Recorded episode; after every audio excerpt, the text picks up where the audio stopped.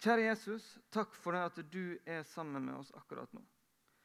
Så ser du eh, det som nå skal formidles. Jeg ber om at Din Hellige Ånd er her og kan tale rett til våre hjerter, slik at vi kan få ta imot og ta med oss det du ønsker å gi oss i dag. Amen.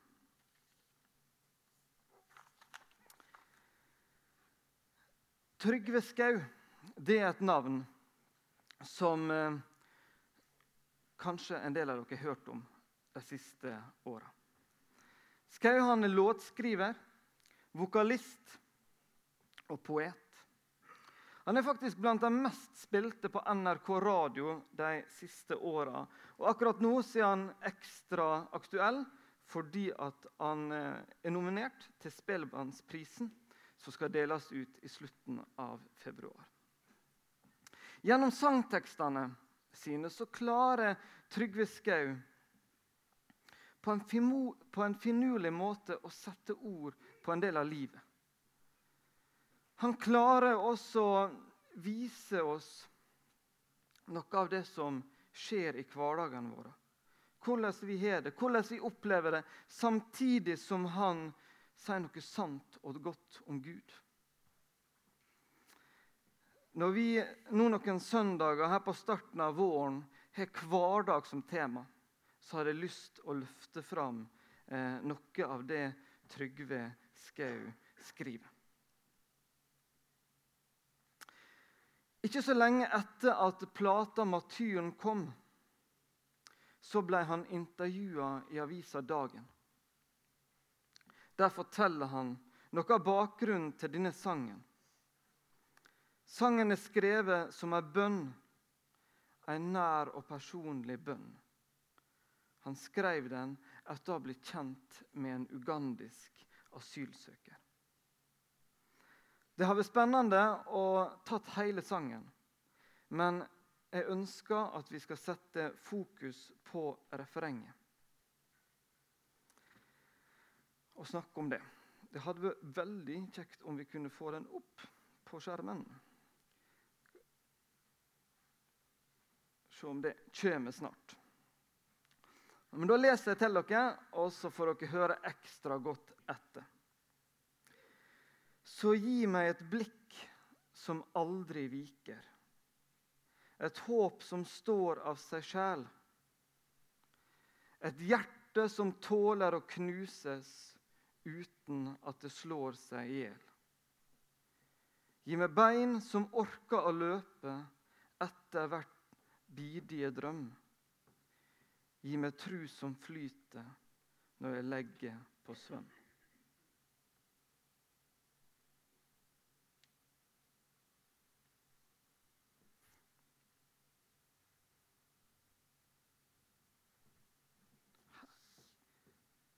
kan det tyde på at jeg ikke hadde klart å putte i ledninga her. altså. Og tar vi det en gang til. Så gi meg et blikk som aldri viker. Et håp som står av seg sjøl. Et hjerte som tåler å knuses uten at det slår seg i hjel. Gi meg bein som orker å løpe etter hver bidige drøm. Gi meg tru som flyter når jeg legger på svøm. I Hebreabrevet 12 så står det noe som ble lest her i stad. Jeg tar det en gang til, så leser vi og får med oss det.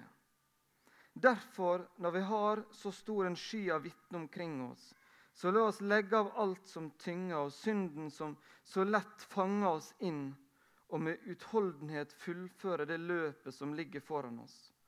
Med blikket festa på Han som er troens opphavsmann og fullender, Jesus for å få den gleden han hadde i vente. Holdt han ut på korset uten å bry seg om skammen, og nå har han satt seg på høyre side av Guds trone. I, vår hverdag så opplever vi stadig ting som tynger oss. Ting som kanskje holder oss nede, bekymrer oss og holder oss igjen. Og Vi kjenner at synda den tar tak i oss, og så fanger den oss. Vi snakka om dette flere ganger i fjor vår. Hva synda gjør med oss? At den gjør noe med oss. Den påvirker oss. Vi opplever å komme ned i noen hjulspor som kan være krevende å komme opp av. Vi kjenner at vi svikter gang på gang. Og Kanskje sitter du her i dag og opplever livet så krevende at du av og til får lyst til å, til å gi opp. Men da, akkurat da, samtidig som alltid ellers, skal du få lov til å slippe å se på deg sjøl. Blikket det skal vi holde på Han som er troens opphavsmann og fullender. Jesus. Det er der blikket vårt skal være festa. Våre forfedre de var flinke til å navigere på havet med å kunne se på sol og måne og stjerner. Men så skal vi få lov til å navigere i vårt liv Vi må se på Han som er skapt stjerne, sol og måne. Klarer vi det, så vil det faktisk enden bli god, uansett hvordan vi føler det underveis. Mot slutten av Matteus 14 14 så står det en historie. Eh, disiplene i båten, de er ute på havet. Og Så kommer Jesus gående mot dem mens de er ute på havet. Han kommer gående på vannet. Når han nærmer seg båten, så sier Peter, 'Kan jeg få lov til å komme til deg på vannet?' Og Jesus ser på Peter og så sier han, 'Kom'. Peter går ut av båten går på vannet mot Jesus, ser på Jesus, og så går dette bra. Men så begynner Peter å kikke på bølgen. Han begynner å kikke på seg sjøl. Han blir bekymra, og så begynner han å synke. Problemet det kom når han ikke lenger hadde blikket festa på Jesus.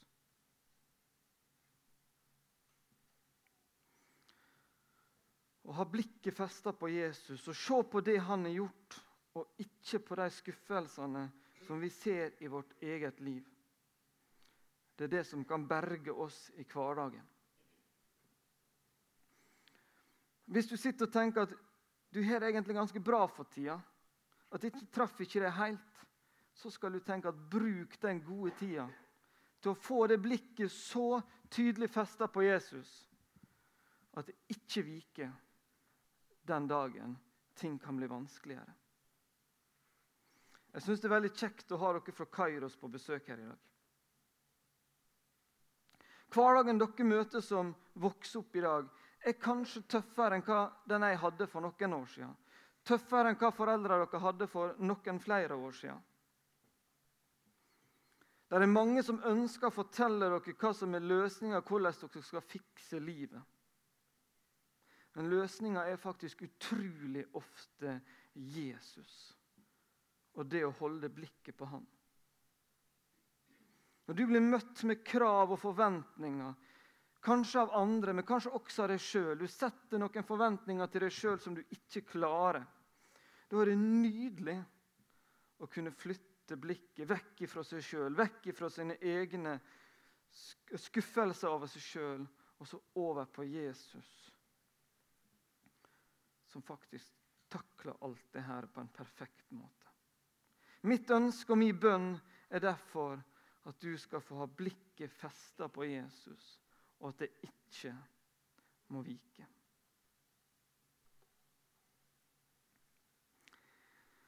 I Jobb 27,8 så står det Hvilket håp har den ugudelige av det han har vunnet, når Gud gjør ende på hans liv. Litt brutalt, men sant. Et håp som står av seg sjøl, er det som står i denne sangen her. For mange av oss prøver å sette håp og lit til ting vi kan kjøpe sjøl. Til ting vi skaffer oss.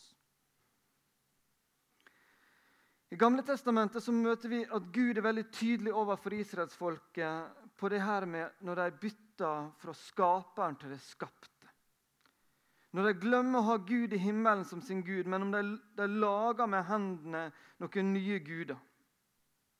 Kanskje ikke det er det som er vanlig med oss. Kanskje lager ikke vi en eller, annen, en eller annen gud med hendene, setter en plass i huset og ber til ham. Tror kanskje det ikke er så vanlig i Norge i dag. Men vi får oss andre ting som vi kanskje setter høyere enn Gud. Vi får oss noen avguder i livet vårt. Det er fryktelig lite håp i dem den dagen vi blir lagt under torva. Faktisk ingenting. Det er bare ett håp som holder når alt annet må gi slipp. På onsdag var jeg på Input her i Misjonssalen. Der studeres det Efeserbrevet for tida.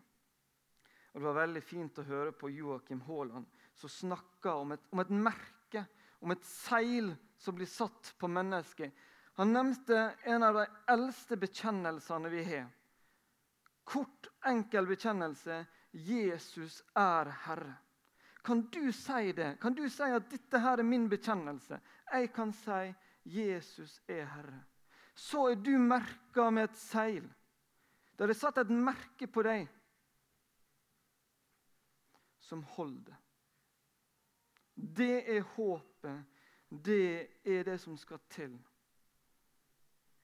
den dagen dette livet er over.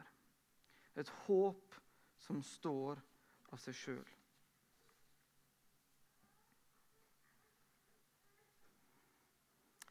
Et hjerte som tåler å knuses uten at det slår seg i hjel. Litt frekt og freidig så hadde jeg en liten stund et sånn motto for livet mitt. Eh, der jeg gikk rundt og sa at livet er ikke bare en leik, men det er også en dans på roser. Jeg håper at kanskje noen av og til har det slik. Jeg håper at noen kjenner at de har medvind i seilene for tida. At tinga går, ting går bra. Men det er ikke slik at eh, vi alltid vil ha det slik. Vi lever i en verden med gode og vonde krefter. Vi lever i en verden med smerte og med sykdom. Vi lever i en forgjengelig verden. Vi vil oppleve å såre mennesker. Vi kommer til å si og gjøre ting som gjør at andre mennesker virkelig blir lei seg. Og vi kommer til å oppleve at andre mennesker sårer oss slik at det gjør vondt. Kanskje sitter noen her i dag som opplever at det ikke er så lenge siden det ble slutt med den første kjæresten. Så kan jeg stå her som en voksen, gift mann og si at jeg, jeg tror det kommer til å gå bra. Og jeg tror det. Men allikevel, den som opplever det, den opplever at hjertet blir knust. Det er så vondt. Lysten til å gi opp kan være til stede. Jeg har også snakka med mennesker som har opplevd å være begravelsen til sine egne barn. Kanskje noe av det tøffeste et menneske kan oppleve. Det å måtte være å begrave de han er mest glad i, det kjæreste han hadde. Kan føle at hjertet sprenges i fillebiter.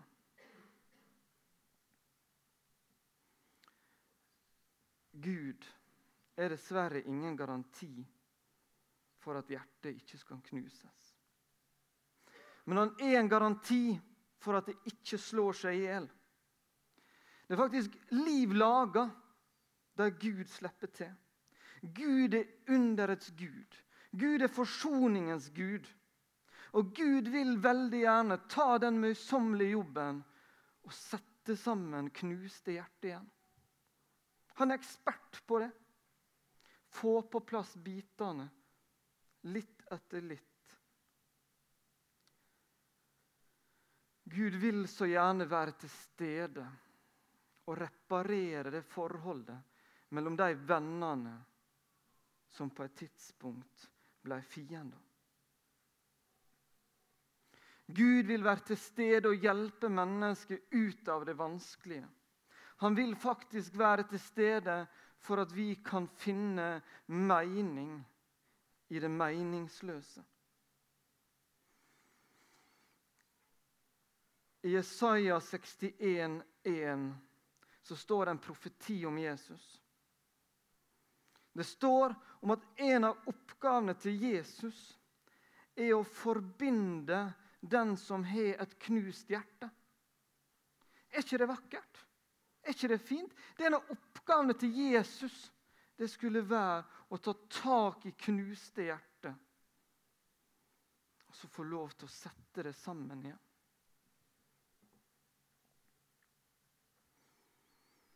Så står der 'tåler å knuses'. Jeg vet ikke akkurat hva Trygve la i det. Men jeg syns det er litt spesielt at det står 'tåler å knuses'. Jeg tror det kan fortelle litt. For hvis vi kjenner Jesus, hvis vi veit hva han vil med livet vårt, hvis vi veit hva han har gjort for oss, så tror jeg faktisk det er litt mindre dramatisk når hjertet knuses.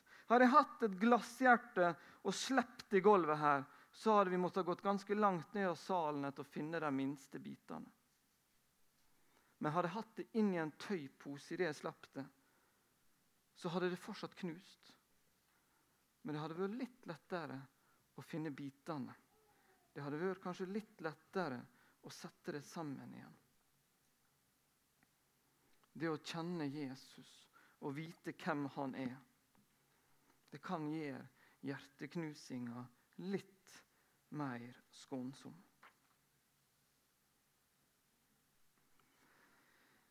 Gi meg bein som orker å løpe etter hver bidige drøm. Historie, vår historie, den gjør noe med oss. Ofte får dårlige opplevelser litt for mye å si. Når vi tråkker feil noen ganger, når vi dummer oss ut, så krever det av og til litt mer å gå på med full gass igjen.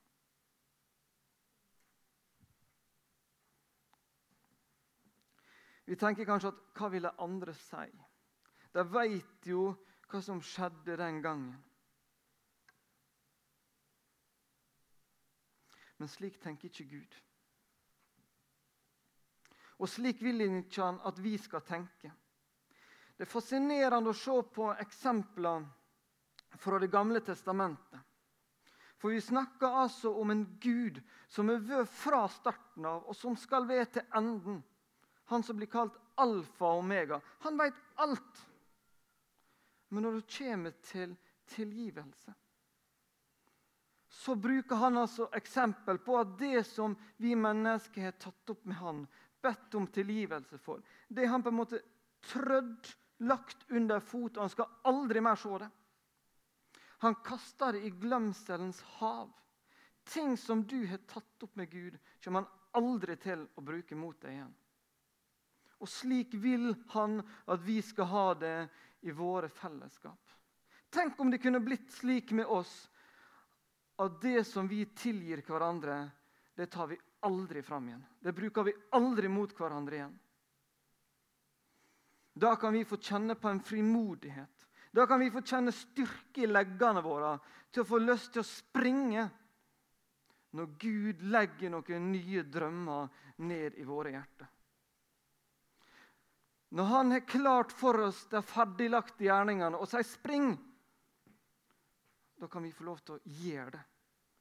Fordi at vi vet at det som hindrer oss, det som stopper oss og begrenser oss, det er faktisk fullstendig glemt.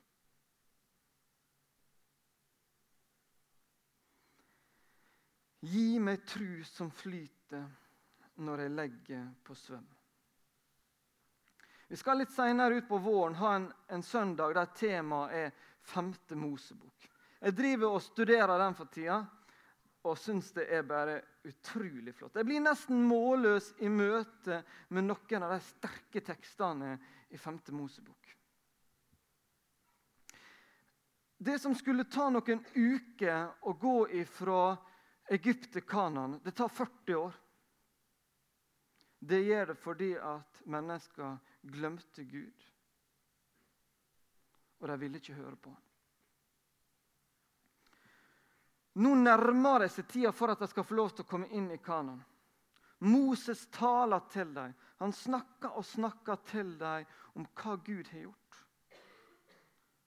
For dem, med dem. Han snakker og forklarer om buda, hvorfor de er så gode.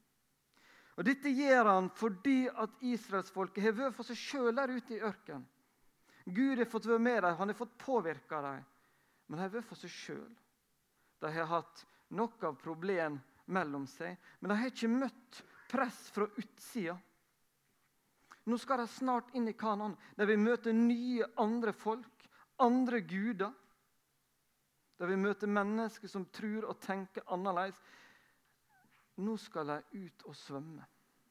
De har vært inne i bobla si, men nå er det som om de skal ut og svømme.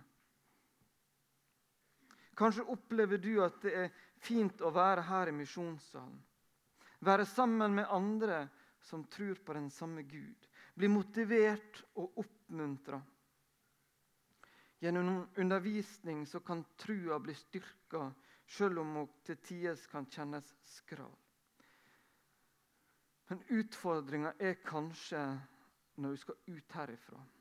Eller når smågruppa di eh, er over du skal på jobb, du skal på skole. Du skal møte de som tenker helt annerledes og kan si til deg at det som du tror på, er galskap. Hvordan står det da til med oppdrifta på trua vår? Er du da klar til å svømme? Vil du flyte da? Igjen så er Hebreabrevet 12,2 veldig aktuelt.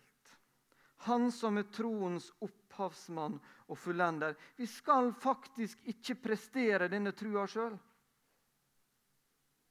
Men vi skal få lov til å bruke den. Vi skal få lov til å lene oss på den, teste den litt. Se om den flyter. Men husk igjen på historien om Peter. Blikket det må være festa på Jesus. Det er han som kan få den til å flyte.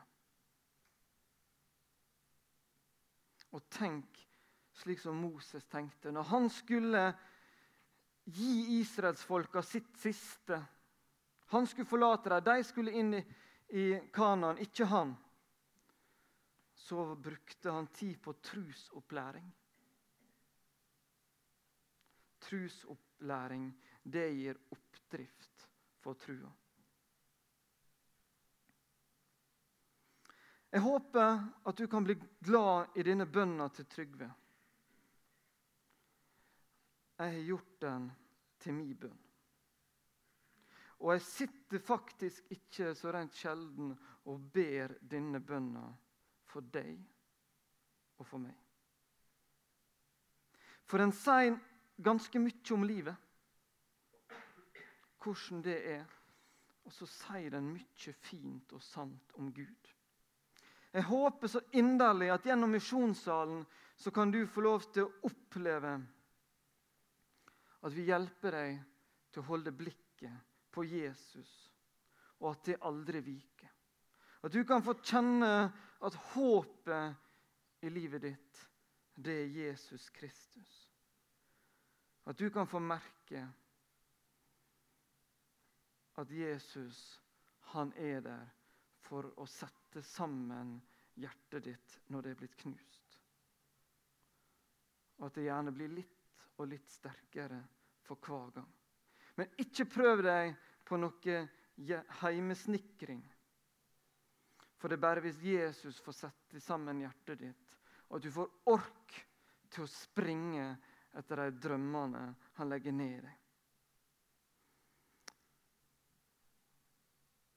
Jeg håper at du opplever at denne bønna er sann. Og Jeg håper at du kan se at den henger tett sammen med det vi snakka om for 14 dager siden. Mariaplassen den åpner opp for denne bønna.